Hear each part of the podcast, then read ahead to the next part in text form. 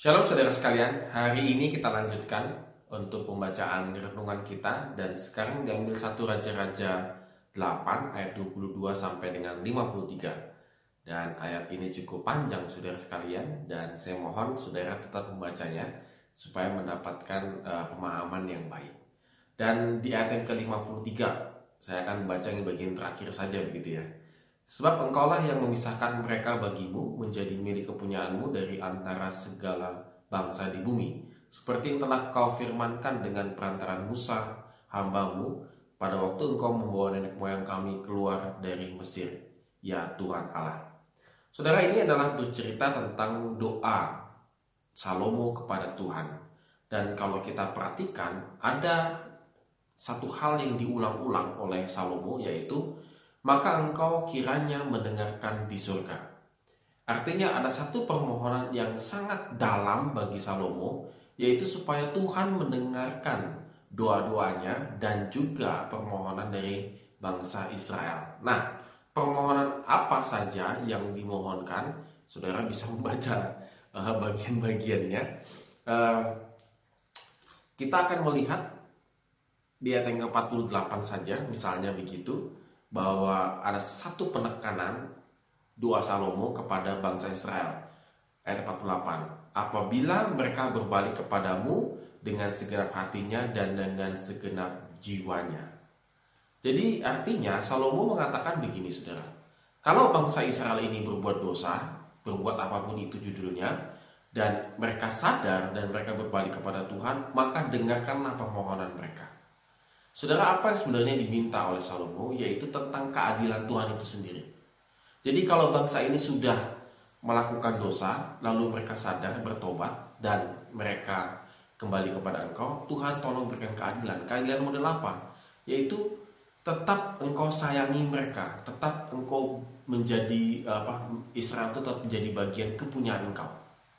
Tapi Salomo di sini tidak tidak tidak menghilangkan atau tidak memohon supaya konsekuensi dosa yang dibuat oleh bangsa Israel itu menjadi hilang. Tetap ada. Tetapi yang paling penting bagi Salomo adalah Israel tetap menjadi kepunyaan engkau. Saudara kalau kita di sini bisa merenungkan saudara sekalian bahwa Salomo itu selalu meminta hal-hal yang memang penting menjadi dasar. Dan kita belajar di sini saudara sekalian, Tuhan itu memang pasti mendengarkan doa-doa kita. Tetapi yang paling penting yang Tuhan inginkan dalam doa kita itu adalah berbalik kepadanya, yaitu tetap menjadi kepunyaannya Dia. Doa itu bukan sekedar permintaan. Kita sering kali eh, melakukan doa itu karena kita meminta. Kita sering kali berdoa itu ya karena kita selalu meminta, meminta, meminta kesehatan, kesembuhan, kelancaran dan lain sebagainya. Memang tidak salah hal demikian. Tetapi ada yang lebih hakiki lagi, ada yang lebih penting lagi ketika kita berdoa, yaitu semakin menunjukkan bahwa kita ini adalah kepunyaannya Tuhan. Saudara, saya rasa di sini kita harus kembali memeriksa doa kita. Apakah doa-doa kita ini hanya sebagai pengemis, tanda petik gitu, atau kita sebagai anak kepada Tuhan. Saudara, ada anak datang anak-anak maksudnya ya mohon maaf anak-anak yang misalnya anak-anak yang ada di yang suka meminta-minta misalnya begitu ya. Kalau kita lagi e, makan di satu tempat gitu ya. Anak ini datang kepada kita meminta-minta sesuatu kita kasih lalu pergi selesai. Tetapi apa bedanya dengan anak kita di rumah?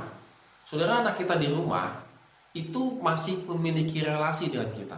Kita kasih sesuatu misalnya dia meminta sesuatu kita kasih sesuatu habis itu tidak langsung selesai. Tidak seperti anak yang tadi misalnya begitu langsung pergi, tetapi tetap berrelasi dengan kita. Saudara kita sering kali seperti ya pengemis ya, meminta sesuatu habis itu pergi. Tetapi ingat saudara kita ini adalah anak.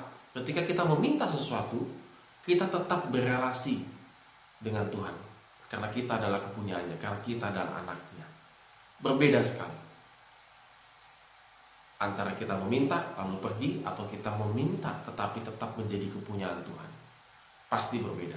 Oleh karena itu saudara sekalian, mari kita renungkan firman Tuhan hari ini supaya menjadi kekuatan kita untuk menjalani kehidupan kita hari ini. Amin. Tuhan Yesus memberkati kita semua.